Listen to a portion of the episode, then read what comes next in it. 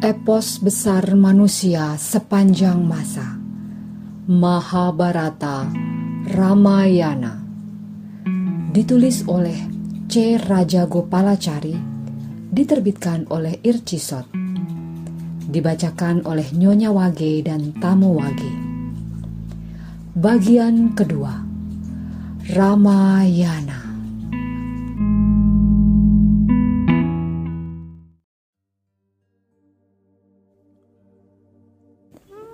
Bab 21 Kedukaan seorang ibu Sumantra dan Guha berdiri melihat ketiga sosok itu berjalan sampai hilang.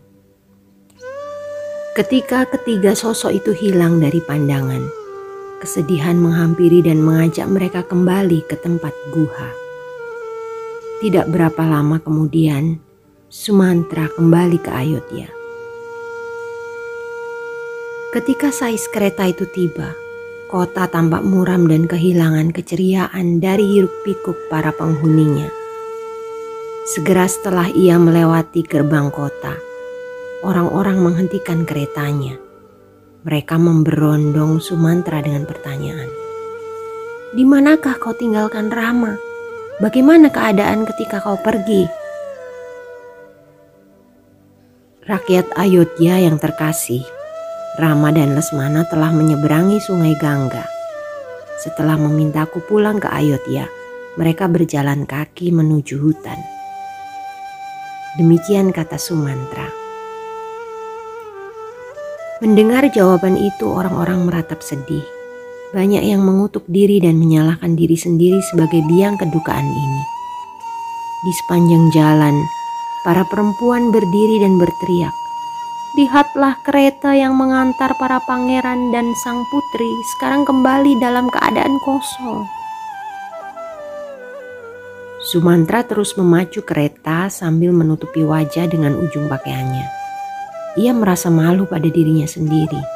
Ia pun berhenti dan turun dari kereta di depan istana Dasarata. Di sana, di depan istana orang-orang berkumpul.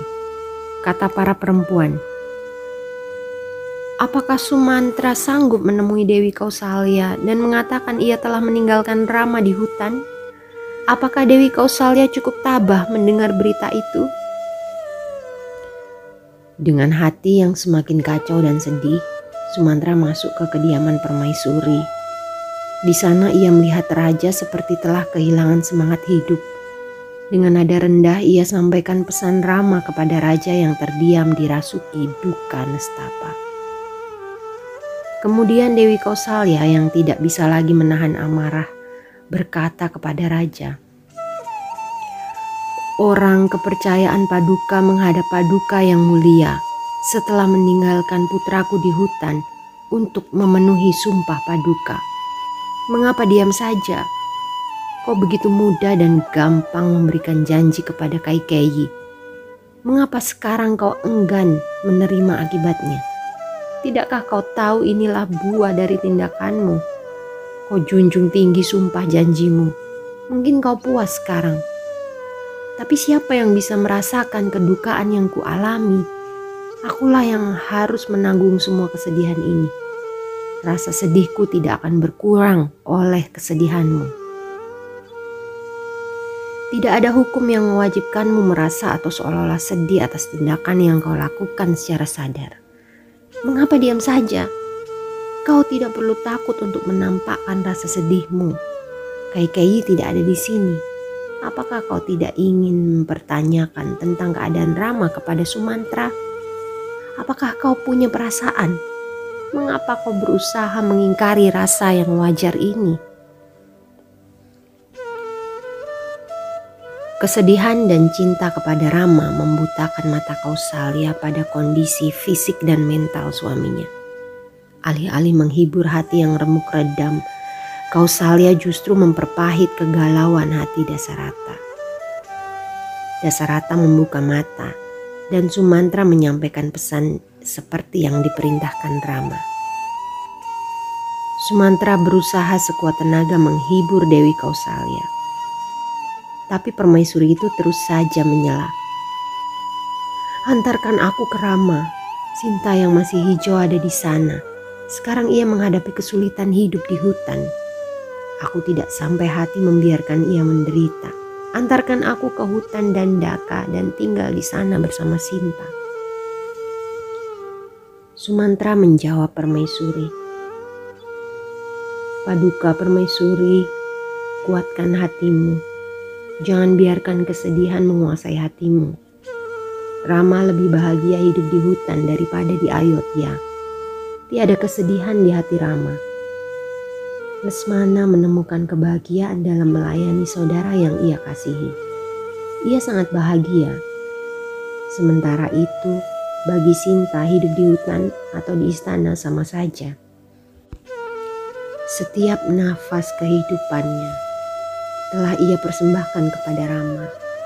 Bersamanya, tidak ada kesedihan atau rasa takut. Ia jalani kehidupan hutan seperti layaknya ia adalah dewi hutan itu sendiri. Ia sebahagia seperti ketika bermain-main di taman istana Ayodhya. Ia masih secantik sinar rembulan. Seperti rusa hutan, ia menikmati kehidupan hutan. Dengan Rama di sisinya, ia reguk segala kebahagiaan. Setiap suara dan pemandangan menjadi kebahagiaan Sinta dan sumber percakapan yang tiada habis dengan Rama dan Lesmana. Karena tanpa alas, setiap ia berjalan, kakinya merona merah seperti bunga teratai. Sebab itulah ia tidak butuh lagi pewarna. Caranya berjalan seperti orang menari.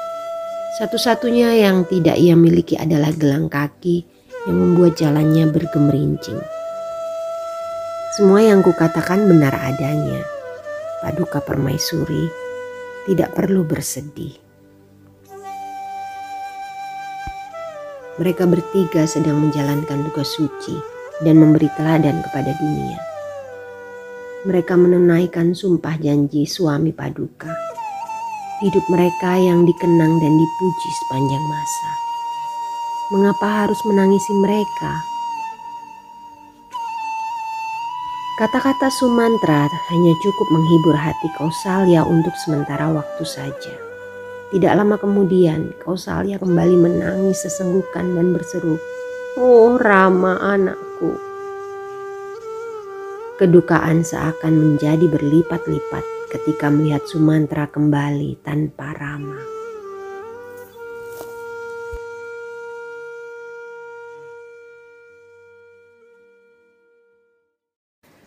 Dengarkan kisah selanjutnya di wagi depan dengan tamu wagi yang lain.